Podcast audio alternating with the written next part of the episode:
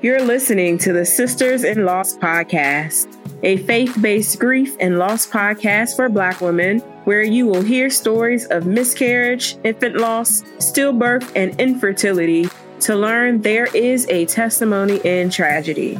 You will learn how to heal, gain clarity, find hope and peace, and turn your pain into your purpose after loss. I'm your host, Erica M. McAfee.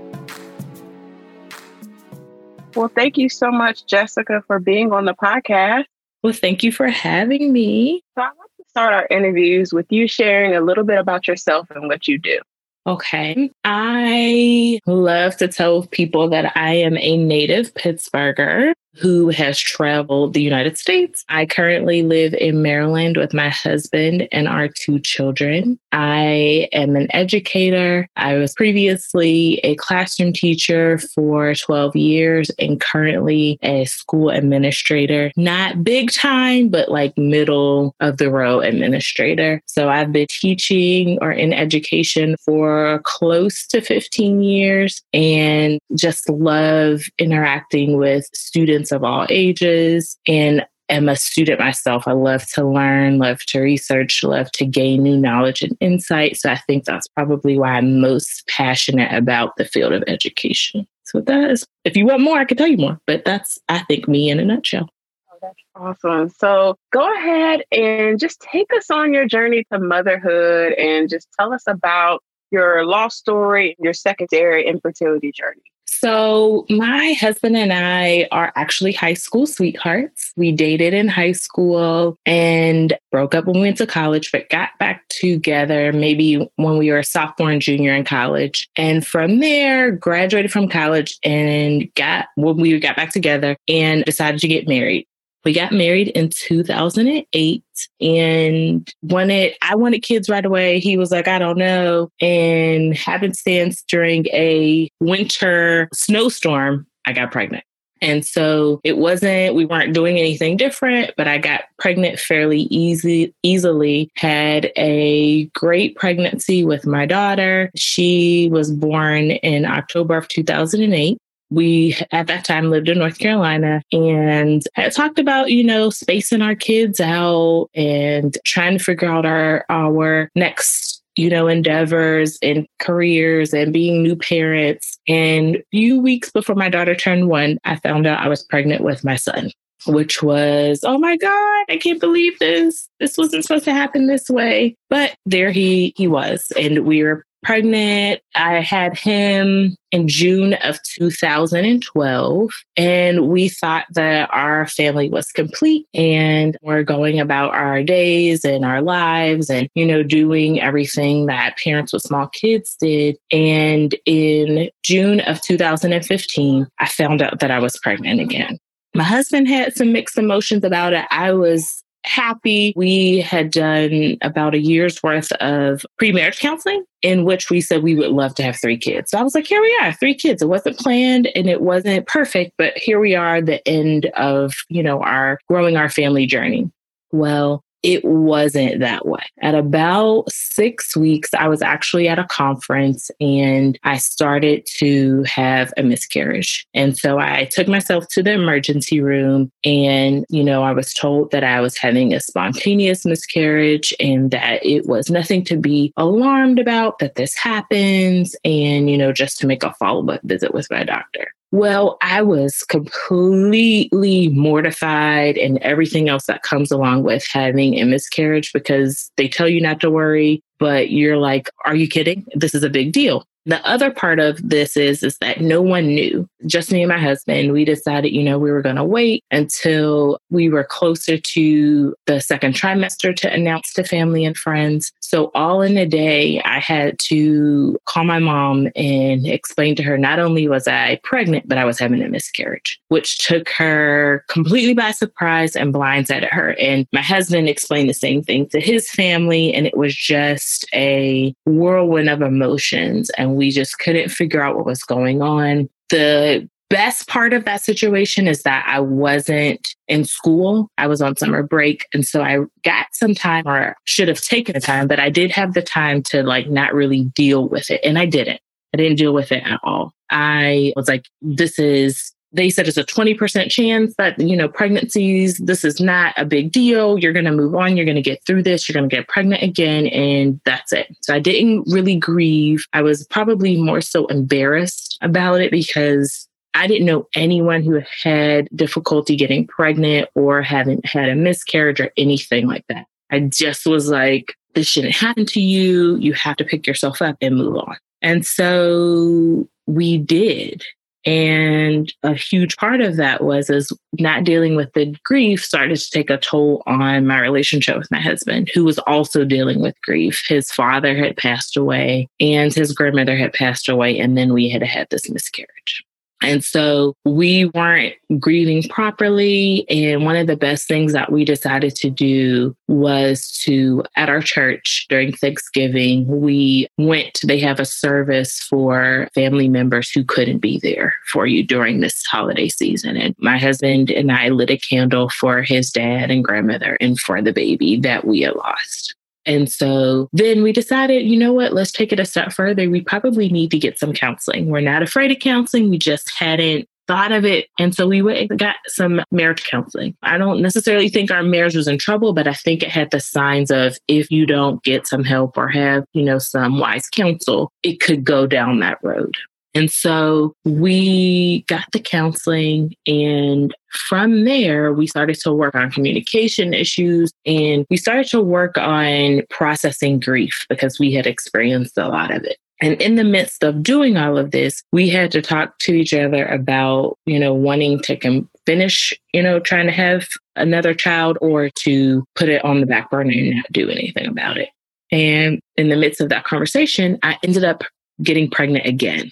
And so, with that, my doctor's office had warned me. I think the timing was June 2015, and I found out I was pregnant in March of 2016. And so, when I found out I was pregnant, my doctor's office told me that I needed to call them as soon as, you know, I got pregnant because of a miscarriage, and they wanted to see me as soon as possible. So I go in for the, I guess the six week visit. And while I'm there, the, the sonogram ultrasound tech we could see a heartbeat but it was so tiny and it was so rapid that they couldn't get a actual the the numbers and so they were like, it looks good. We're just going to have you come back in about three weeks. The baby should be bigger and we should be able to get a better picture, a better heartbeat sound, or whatever it is that they call it. And so I was excited, went back home, talked to my husband. We were so excited. Still hadn't necessarily shared with anybody. It was only six weeks. And those three weeks, we were, you know, kicking it through. I was telling him, oh my goodness, you know, this is the baby that we've wanted. And at 10 weeks, we go back to the doctor's office, my husband and I, this time together, and the sonogram technician cannot find a baby, cannot find a heartbeat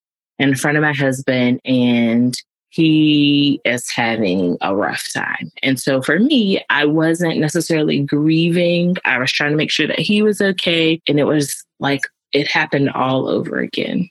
We left there again in a state of shock. This time around, I do believe that we let family know uh, beforehand because we were nervous, but we were excited. And so we had to call our family members again, moms, both moms, and, you know, let them know that we had lost the baby. The issue this time was my body was not uh, responding like the first time. My body was still believing that I was pregnant. And so I had to have D&C, which was really hard because my husband was like, wait a minute, we lost this baby and now we have to have this surgery. And of course, they're talking about, you know, with any surgery, there's always the risk of complications. And so I would say this is the first time in our marriage that we've had to talk through this type of decision to have this type of surgery. You know, all these different emotions are coming about with the both of us. And so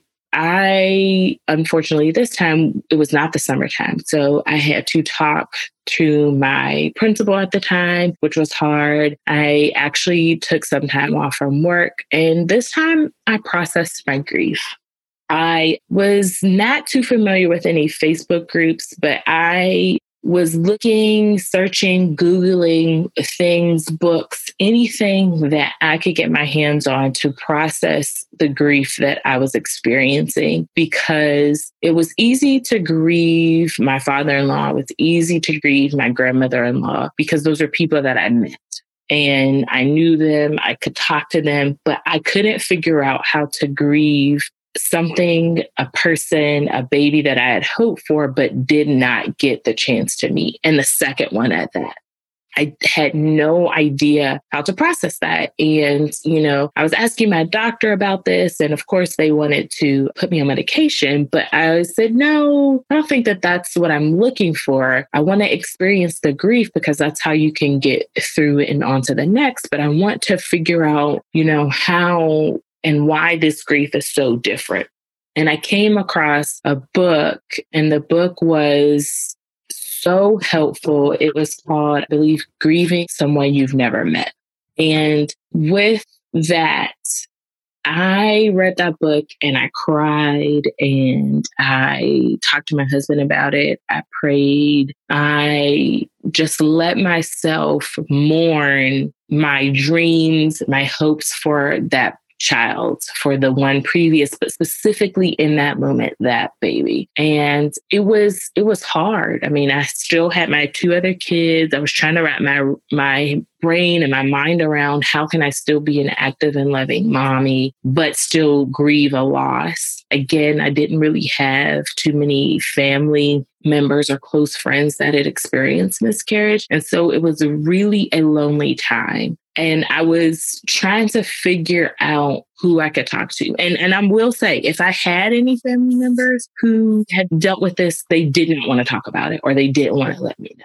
And so maybe about a month after I had read the book and had given myself the permission to mourn and to grieve, I wrote a post on Facebook about my experience about wanting to enlarge our family, but not being able to. And my experience with having two miscarriages within 10 months and feeling alone, but also feeling hopeful and trying to figure out my next steps. And I just put it all on my heart. Put my sleeve, put my heart all the way on the internet, which I was really nervous about. And I was also nervous about culturally, you know, we don't necessarily share vulnerable moments because, you know, we want to seem strong all the time, but I shared.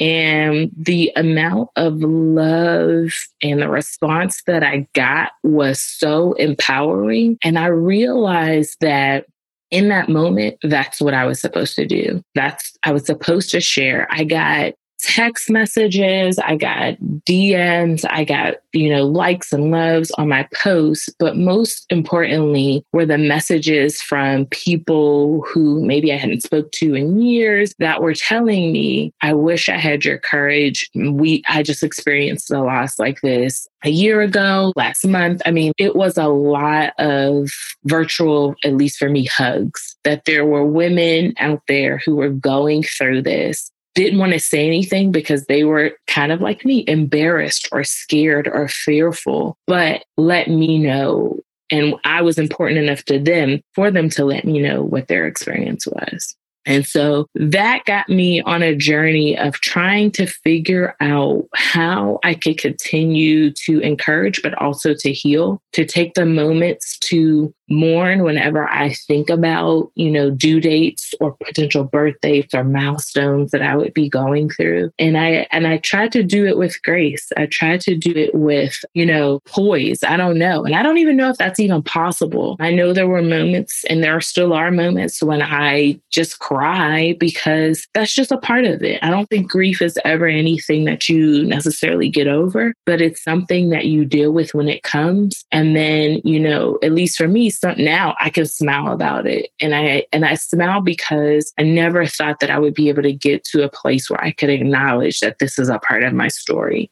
So that was in 2016. We were living in North Carolina. We didn't really have any setbacks from my doctor. They told us nothing. I went back and asked questions. And of course, um, I was told, well, if you want us to do anything diagnostic, it would be very expensive. And even then, you know, we are not going to be able to give you any definitive answers. You really, you have two other kids. You're, you keep, you get pregnant. You know, this is just the luck of your draw. We're not really concerned or worried. It doesn't seem like there's anything out of the ordinary. You just have to keep trying. And I said to myself, okay, by this time, I was already in my 30s. And so in my mind, I'm like, I know I don't have that much time before I become like a geriatric pregnancy. And so my husband and I are trying to figure out, you know, what is it that we want to do? How are we going to move forward? And so from uh, 2006 all the way until the end of 2017, I did not get pregnant at all. I didn't, we weren't prohibiting it. We were, I mean, I was trying to figure out my cycle, but no pregnancy, no scare of a pregnancy, nothing. Until one day I was at a doctor's appointment with my daughter and we had to give family history. And the nurse who I was talking to said to me, You could have some infertility issues. And I said to her, Well, what would make you say that? And she was like, Think about it. You've been trying to have another baby or not prohibiting having another baby since 2005. And it's 2017, almost 2018, and you've not carried a baby to term, you might have some issues. And I said to myself, You think? And she said, Yes. She said, You know, try to see a specialist, try to, you know, get some more information. If you keep, if you really want another baby and you don't get some help, you're basically, you know, setting yourself up to be disappointed because some of these things are not just going to happen on their own. And so I took that information back to my husband and I looked up a, you know, a whole bunch of different things. I'm definitely a Google MD type of person. And I was like, oh, I have this and I have this and I have this and I have this. Well, one thing led to another. I ended up seeing a doctor to voice my concerns, and I was referred to a fertility clinic in the DMV where I live. And I went and I met with a specialist and you know they interview you and they say, "Well, what's what is the outcome you're looking for?" And I told them I'm looking for answers. I said, I don't know if, you know, if another child is in the cards for me, but I just want to know out of curiosity for my general health. I was still, I was having some issues with my cycle. You know, I was having some issues. I wasn't sure if any of this stuff was normal, but, you know, whenever I went to my regular doctor, and they never seemed concerned. So when I was at the fertility clinic, they ran some tests like they do you know they call them like your i guess your entrance like how what's your best way to proceed forward. And it was revealed that i had a fibroid a submucosal fibroid that was 40% of my uterus and from that, the reproductive endocrinologist said this is more than likely the thing, the culprit that is prohibiting you from getting pregnant or sustaining pregnancy. And of course, because I had moved from different states, they couldn't tell me if it was ever noticed by any other doctor that I had been seeing before. And so they tell me there's we don't operate on this but this is a common thing you know once you have this removed you should be all set to go. And for me i started i was really excited and i was really happy about the diagnosis but i was also very concerned and a little bit upset because you know why hadn't another doctor before seen this or talked to me about it? You know when you go and have your initial sonograms when you're first pregnant, you know, they do like a, they try to check for fibroids. And I knew I'd had them, but nobody had said anything about the size or to be concerned about them. So I never paid it any attention at all. And so I was just very curious about, you know, the level of care that I had received or the answers that I was not given or, you know, any of that type of stuff. It just, for me, was because I had already had children, you know, and already I was able to get pregnant, there was no issue. And nobody for me seemed to be concerned about why these things were happening. I mean, I even had one doctor tell me, well, if you would have just stopped having kids with your second baby, you would have never experienced this. And I just was like, really? Like, that's what you say to patients? And so, you know, there was that part of me that was like, well,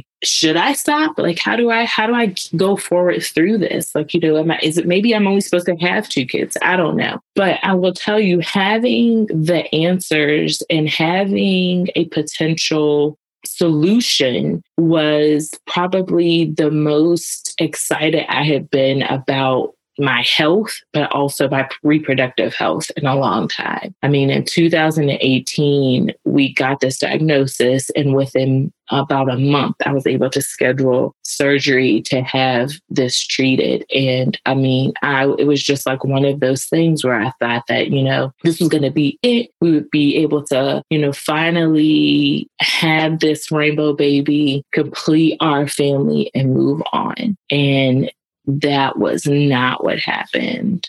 I had my I had the surgery to remove my fibroid and I really had a non-evasive procedure done. So I wasn't technically there weren't any um, they didn't have to go through my belly button or anything like that it was just non-invasive and so my uh, recuperation time was only um, a month and so when I went to my doctor after I had the procedure for the follow up visit, at this point, I'm 35, and I was told you have three months or three cycles to get pregnant. If you don't, we're going to send you back to the fertility clinic. And so I go home to my husband. I'm like, listen, this is what they said. You know, I don't know what that means, but this is what they said. And so we get busy and we get pregnant. My first cycle after um, being released from my doctor, and we're excited. We are really, really excited. We, in fact, told, I think, my sister in law, because we took the test while we were at our house, and my mom. And then finally, we told my mother in law.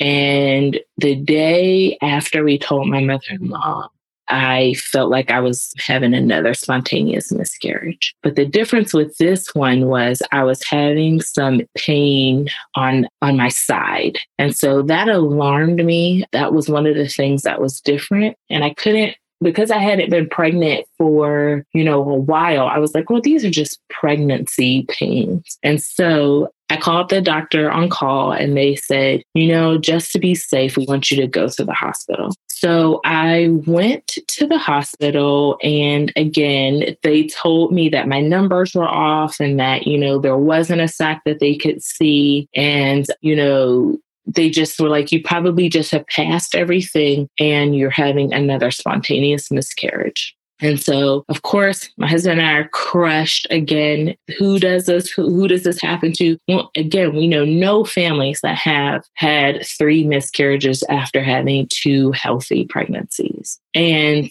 the doctor comes back in and says, we want you to come back in two days. Your pregnancy hormone levels are really high for us not to see a sac. And so I have no idea what that means. They're not really saying anything. I'm assuming is that they don't want to scare me, but they're not really saying very much. And so I go home. I took a day from work because I'm still trying to process everything. And I go back to the doctor the next day. The next time I go, my levels have not doubled, but have gone up by about a thousand or maybe 2,000. And this time the doctor says, we see a sac.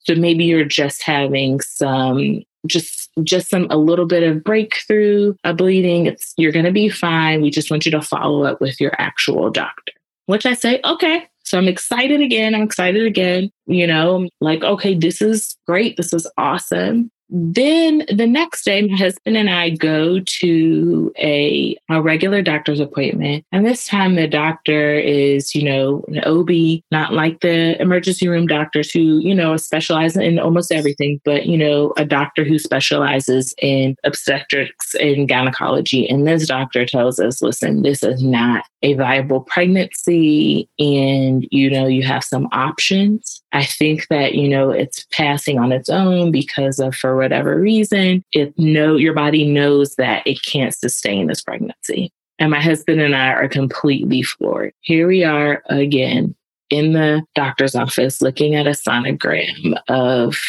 something that we were so excited about and it's done. And, you know, having to go through that for the third time, the second time together. And about this stage, I think I was about seven or eight weeks. I was, I think I was eight weeks. The issue with this pregnancy was that the following day after the doctor's appointment, we were told that our uh, pregnancy hormone levels had went up by about another thousand and that the doctor was very nervous that i could be experiencing an ectopic pregnancy of unknown location which is very scary because if it is not treated or if it's not removed surgically, women, we can die. And knowing that, knowing that we're not just talking about losing a baby, but potentially losing your life threw our worlds completely upside down. And I had to decide to sit it out or to knowingly terminate a pregnancy, which as a person who is a Christian and believes in life and wanted a pregnancy was one of the hardest decisions that I've ever had to make.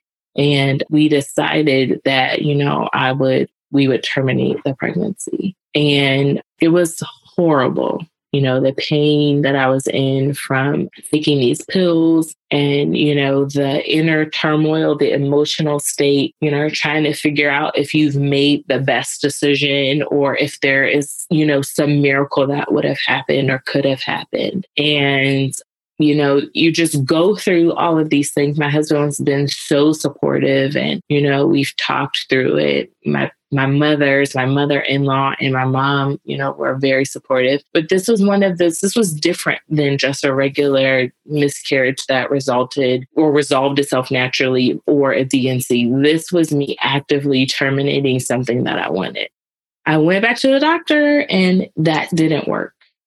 And I think that's one of the things that no one really talks about miscarriage or pregnancy loss, but there are even fewer conversations about ectopic pregnancy. And it is the most scariest thing that I've probably ever had to deal with in my entire life. I went back to the doctor and my levels had gone up, even though I had taken the medication. I had to go back and forth through to the lab to get blood work done almost every other day. And then I actually had to have a dose of methotrexate, which is chemotherapy. And that again put me in a place where, you know, I had to go to a cancer ward and I'm sitting there with people who are fighting for their lives. And here I am having to really, really fight for my life, but also terminate this pregnancy for the second time. So I'm like, okay, Lord, I do not know what you're you're teaching me during this moment in my life, but I am here. Here I am. I'm I'm vulnerable. I'm trying to figure what out what's going on. And from there, this, all of this, my ectopic pregnancy took about six weeks to resolve it. So I ended up having to have surgery. And while ectopic pregnancies are probably, I think, like one or 2% of pregnancies, what I had was a cornual ectopic pregnancy, which is even less than that. And my doctor didn't even see it until I had to have surgery. I had to have another D&C. And so my world, our world was rocked. You know, this time we're trying to figure out like what what are we doing? Is this what what are we doing? What how how are we going to move forward? Is this it? What do we want to do? And the biggest difference about having an ectopic pregnancy versus maybe a D&C or a spontaneous miscarriage is, is that if you are treated with methotrexate, it kills the folic acid in your body and you can't conceive for 12 weeks because it takes uh, 12 weeks from reaching zero. Um, the pregnancy hormone has to be at zero and then 12 weeks you can't try to conceive a baby. And so there's a lot of downtime and you have to figure out, you know, not only what if I have another miscarriage if we try again, but what if I have another ectopic pregnancy? And, you know, all of those type of feelings. It is the roughest patch in the world. And this time around, I think my husband felt it a lot more than he's felt it before because, you know, I could have died you know, my health, it was not just the health of a child, but my health and not having my tube rupture or not having my uterus rupture and then internal bleeding. And, you know, he's having to take on a lot more at home because I have to take it easy. And then he's also having, you know, all these emotions about his wife, the, the one that he wants to have kids with, not the one that he wants to be without. And so, you know, we have had a lot of things go on a lot, a lot, a lot, a lot of things go on.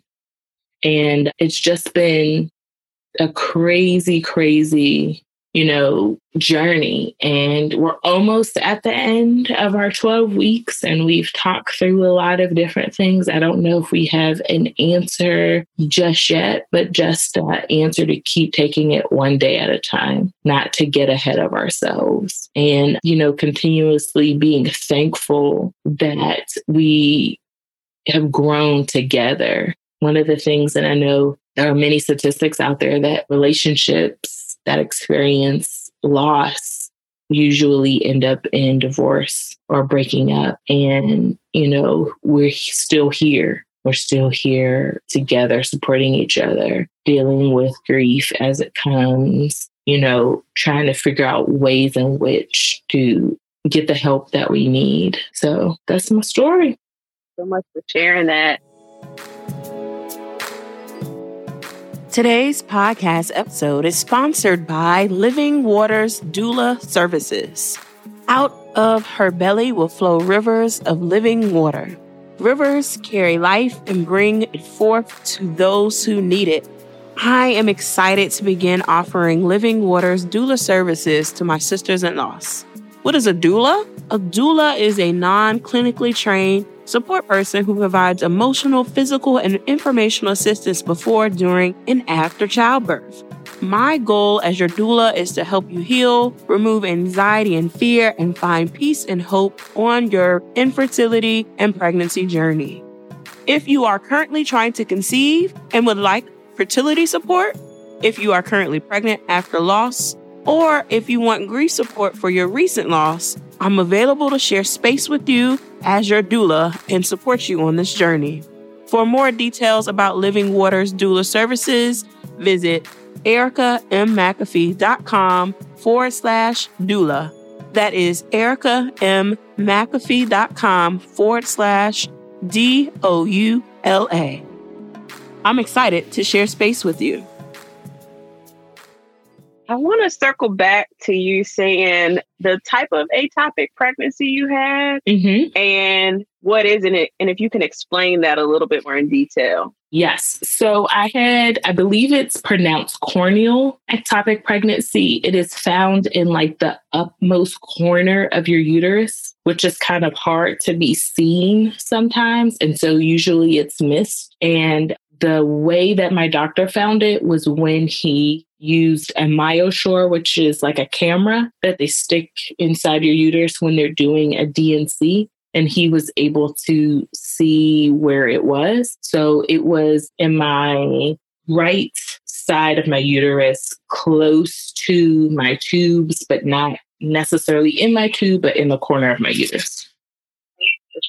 That so, I would like to talk about just how you have healed throughout this process just your whole grieving and healing process and kind of where you are now and just really how your faith has played a role throughout throughout each of your different losses and then now having that thought process. I, I heard you talk about just that thought process is a little different that you know this is a baby that you wanted and you actually had to electively terminate in order to save your life so talk us through just really how you have been processing your grief I will say one of the things I'm a Facebook person. I was in I was I've been on Facebook since college when it you know first opened. And the Facebook groups have really gotten me through a lot of the grief. To know that there are women out there who are experiencing the same things as I am with my, I don't even think I ever knew that there was a term called secondary infertility. I think a lot of times, and especially within my own culture, that because this isn't something that is necessarily shared, I mean, you may know of relatives who couldn't have children or didn't have children, you may not have known why, but I don't I've never heard of family members who had children and wanted more and weren't able to have them. And so when I learned of the term secondary infertility, it really was earlier in 2018 when I went to see this specialist. And they were like, ah, oh, some women just have had babies and they can't have them anymore. And so I searched for a secondary infertility group on Facebook and I just looked through there to see what people were posting and you know how it was and different type of things like that. I also have participated in the October pregnancy loss, stillbirth, stillborn, and miscarriage awareness months with, you know, just sharing my story as it comes. I post on my due dates. And I will tell you, one of my family members is a nurse and also a grief counselor and a minister. And so she gave my mom pamphlets and like a like a little things that she put together about grief and my mom got it to me. And so one of the things that i did was she encouraged me to name my babies. And she said that giving them a name helps you to process your grief so that when you're thinking about them you know it can you know help you to not not for closure but to to think about it in a positive way. That these babies were wanted and they were loved even though you theoretically didn't get to meet them. And so that's what I did for the first two. It took me about maybe two years to do that. I just thought at first I was like, this is so foolish. People aren't going to understand this. You know, this is a this doesn't make any sense. Like you, I understand if you you deliver actually a baby, but I just had a miscarriage. These losses don't really count. And I got to the point where I did it. And I did it for me because I needed that. I didn't realize how much I needed to have a certificate that for me meant that there was a baby that I carried, even if it was only for, you know, six weeks. As soon as I saw that positive line, I was pregnant. It didn't matter whether it was you know one one day that i was pregnant or if it if i was pregnant and had uh, delivered a full term baby that baby was wanted and that baby was cherished from the beginning and so I've done that. That was one of the ways that I we or I dealt with my grief was having these certificates made, continuously posting, you know, about my struggles and not in a woe is me way, but in a way that is this is just a, my journey, you know, and also letting people know how to react to people or to women or families who experience loss. A lot of times people want to fix you know, people want to get you to the other side, and that's not necessarily what's needed. You know, when when I share that I have a struggle, I don't want anybody to fix it. I just need to. I'm just venting or getting out the words of how I'm feeling. And you know, I've posted a lot of time. You know, one post that I put in particular said, if you know anyone who has dealt with loss of any kind, sometimes all they need is a smile and a hug. That's it. Someone to sit with, just to listen. And I think a lot of times we are usually wanting to help. And by help, we mean that means to say or do or to encourage or uplift or pray. And when we do that, sometimes we may say hurtful things. I've had people tell me that, you know, I just, I'm, I should be so glad that I already have two children. You know, some people don't even have one. I've had some people pray for me and tell me in the prayer to focus on the miracles that I already have. And and my thing is is that my two living children don't take away the from the losses that I felt. They don't, not at all. They don't. It's just a part of my story. And I don't necessarily feel like I have to get over these. I don't have to get over them. I am certain that even when I'm 50 or 60, and even if I have one more kid or no more kids, I'll still be thinking about the what ifs and the how old they would be and those type of things. But it doesn't take away from the little blessings that i already have running around my house. And that's all that i want people to understand. And i think the other part for me which was hard in my grief process was dealing with my losses, knowing that I did have kids. I think for me, that was another part where I felt embarrassed and ashamed and, and guilt. That I recognize that there are families who are dealing with primary infertility and they don't have children. And I had to let that go. You know, I had to let that go that, you know, I can still mourn and grieve and still empathize for people who don't have children, as well as, you know, have in common with people who are experiencing secondary fertility after only having one child versus me having two ch- children and experiencing this. I would say the things that have been the most helpful for me is at last year my husband and I went to Grief Share at our at a church and we talked through grieving and what that looks like and gave ourselves permission to not put grief on a timeline that we have to be done grieving in 3 months so that we can move on with our lives. But it also gave us you know wisdom to say that some things are inappropriate as far as grieving. If you find yourself, you know, for more than what you you personally deem as necessary having these overwhelming feelings, you may need to get some more help. And I feel like going through that with him talking and going through grief share with him and then we also got you know some family therapy through this last ectopic pregnancy was very, very helpful, as well as talking and being upset, I would say, with God. And I don't necessarily I think that those are one of the things that I, I feel like I still struggle with the most is the being upset that this is here where I am. And that comes and goes. I think that there are days when I'm just like, girl, this is just a part of your story. And you are here, you know, giving light, shedding light to this story and encouraging other women who may feel alone. And then I go to moments of why does it have to be me? Or why am I the one who is experiencing this? One of the hardest things the probably epitome of hardest things was that the day that I went in, because with my ectopic pregnancy, my numbers weren't going down as fast as they would like them. And I was having a lot of bleeding and almost needed to have a blood transfusion because I was losing so much blood. The day that I had to have my D&C was the same day that my younger sister had a baby.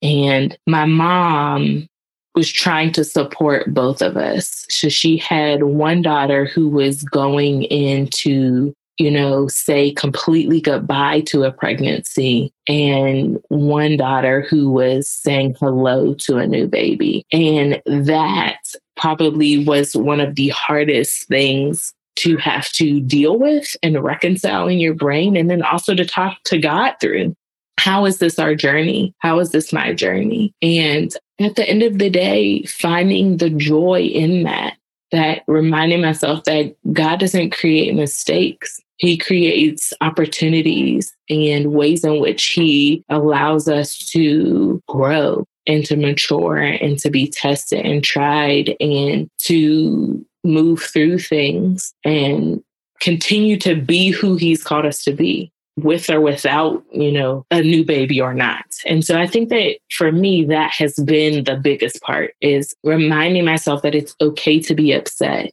and it's okay to be disappointed, but it's also a part of my story, my journey, which is going to be way different than anyone else's. Absolutely. So, throughout this process, did you share with your babies, you know, um, your two children, what you were going through? Or was it more or less they just see it because they were just around you or they knew that you had surgery and you came home? Were you open to them? I know you said you weren't really open with your family, but were you open with them? And then, how, what advice could you give the moms out there who have had miscarriages and how they should continue to talk to their kids about the babies that were lost and you know continue to hold their memories um, today. So i have two very observant children. During my first and second miscarriage my daughter who at the time was five, four and five, saw me buying prenatal vitamins and it had a pregnant lady on it. And she was like, I think there's a baby in your stomach. And I was like, um, uh, and I think I may have changed the subject. We lost that baby, I don't think we even acknowledged it. But one of the things that we did do is we participated in the March of Dimes walk. And when our kids asked us, well, what is March of Dimes? We explained to them, you know, that March of Dimes is an organization that helps mommies and babies. And so they just put it together. They were like, You mean like the baby, the baby, our baby that's in heaven? And I was like, Yeah. And so my husband and I were trying to figure out how they figured out that maybe we had a baby and the baby was in heaven. And I don't think that we asked them because I didn't we didn't know how to you know, engage in a discussion with a, I think my daughter was five at the time and my son must have been three. And so we just let them figure it out on their own without trying to maybe give them adult words. This last time, because it was about a, a couple of months ago, and I would say that this law, this loss trickled on and my it actually i actually started this class and i we went to the my daughter had just had her eighth birthday and we spent her birthday weekend. I spent it in the hospital in the er and that was really difficult. We didn't talk through it but they knew that something was going on with mommy. And i just kept telling them that we're mommy's just trying to get better. Mommy's just trying to get better. And they could tell that something was different. And so I still, again, never said that I had an ectopic pregnancy or any of those type of things, but I was just very gentle with them. The advice that I would give to parents who are dealing with secondary infertility or losses that also have children is is I think you have to gauge what you're comfortable with with your children. We in my family because of our certificates we talk about it a little bit, but not like the gruesome details. With the three certificates that we have, I just tell my kids that these these were babies that mommy mommy wasn't able to deliver, but they're in heaven. And so they take that for whatever it means to them. And I know we continue like this year we'll also participate in the March of Dimes walk. And I think that at least for me, it is it that's the part that helps is that while they may not completely understand the concept of heaven, they do understand the concept of organization that helps mommies and babies. And, you know, if they can do something that is helpful because they really want to, my son really wants to be a big brother. He just kept saying, well, when you, when you get to get better, mommy, and then you can have another baby. And I just say to him, I am hopeful and hope that we can do that. But, you know, they don't really I didn't really share all of that with them. I didn't want to have give them that pressure and I also didn't want them to I guess have to deal with that. I don't know what how they would react to something like there was a baby in mommy's stomach and the baby didn't make it. So my advice is is you I think you have to judge where your kids are. I mean, if they're a lot older, maybe preteens or teenagers, you can maybe share a little bit more. But for my kids who were three and four, and then now six and eight, when I um, had these losses through those years, we shared very minimally. Thank you for sharing that. So you mentioned a few books earlier that mm-hmm. were great resources and tools for you. Were there any other books, Facebook groups, podcasts that were great resources for you throughout your grief journey? Yes, I would say that I found your Facebook group, Sisters in Loss, because I was looking for a group that catered to Black women because I'm a Black woman. And I just, I felt like when I posted to some of the other groups I was in that my questions or things weren't necessarily answered and not to put a, anything out there, I just started to look for more things where I felt like I would be accepted or be able to speak freely and others would be there to support. So I'm in uh, Sisters in Loss. I'm also in Fertility for Colored Girls. When I was diagnosed with my ectopic pregnancy, I am in an ectopic pregnancy support group, which by far has probably been one of the main things that I have dealt with or support groups that, that I have been in that has been amazing for that specific type of loss. That group really understand understood me saying that I had to really wrestle with having to terminate something that I wanted. Very, very tender group members in there, definitely encouraging and things like that. And I think that might be it. I'm also in some other groups for trying to conceive and pregnancy after loss, but I think I'm not sure if I'll continue to be in those groups. I guess it just depends on if we continue or what we decide. I don't necessarily know if we're 100% on our decision after this this loss. Absolutely. So, I would like to know your mom what do you do for self care? I will tell you in December, I have locks and usually I do them myself. I maintain them myself. But in December, I told myself that I had been, you know, through so much and I really took myself to my favorite salon and got my locks maintained and colored because that is what I wanted to do. Another thing that I do for uh, self care, believe it or not, is listen to podcasts. I think there there's something about, like I said, learning or hearing other people's perspectives on whatever it is that they are talking about. I just find very, very, very interesting. So I've listened to podcasts with my kids about different scientific things. I listen to politics podcasts. I listen to the Enneagram podcast. I listen to a lot of different kinds of podcasts just to, you know, give myself a moment to just listen and hear people. And I also listen to a lot of audiobooks as well. I don't know if that is what most people define as self care, but it is one for me. I just like to relax and just listen and figure those figure out what uh, what else is going on what are other things that i could know you know to stash away in my mental toolbox that you know maybe later on in life i can pull out randomly but those are the things that i do for self-care I concur. I am a huge podcast listener and audio listener too. So mm-hmm. thank you for sharing that. So I would like to end the podcast with you just giving our listeners some encouraging words for those moms who are battling secondary infertility and are in the wait, you know, waiting on God's blessing. What encouraging words can you leave with them as they are going through this waiting process?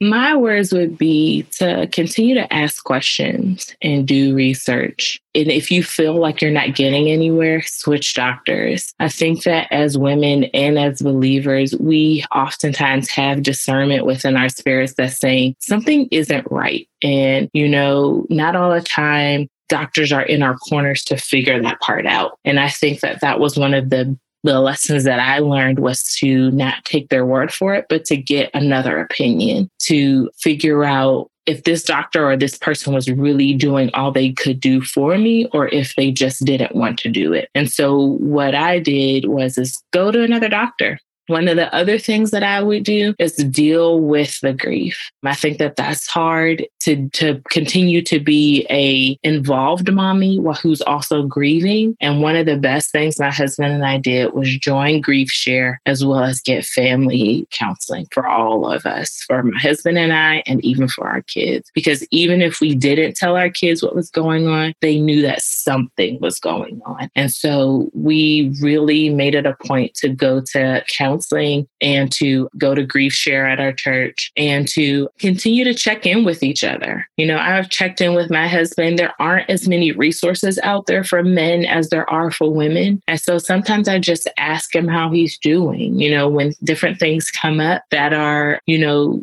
hard for him, I just check in and ask him, Are you okay? How, how are you? How are you feeling about this or that? And just continue to be present. I think that those are, you know, the things that I would encourage women to do.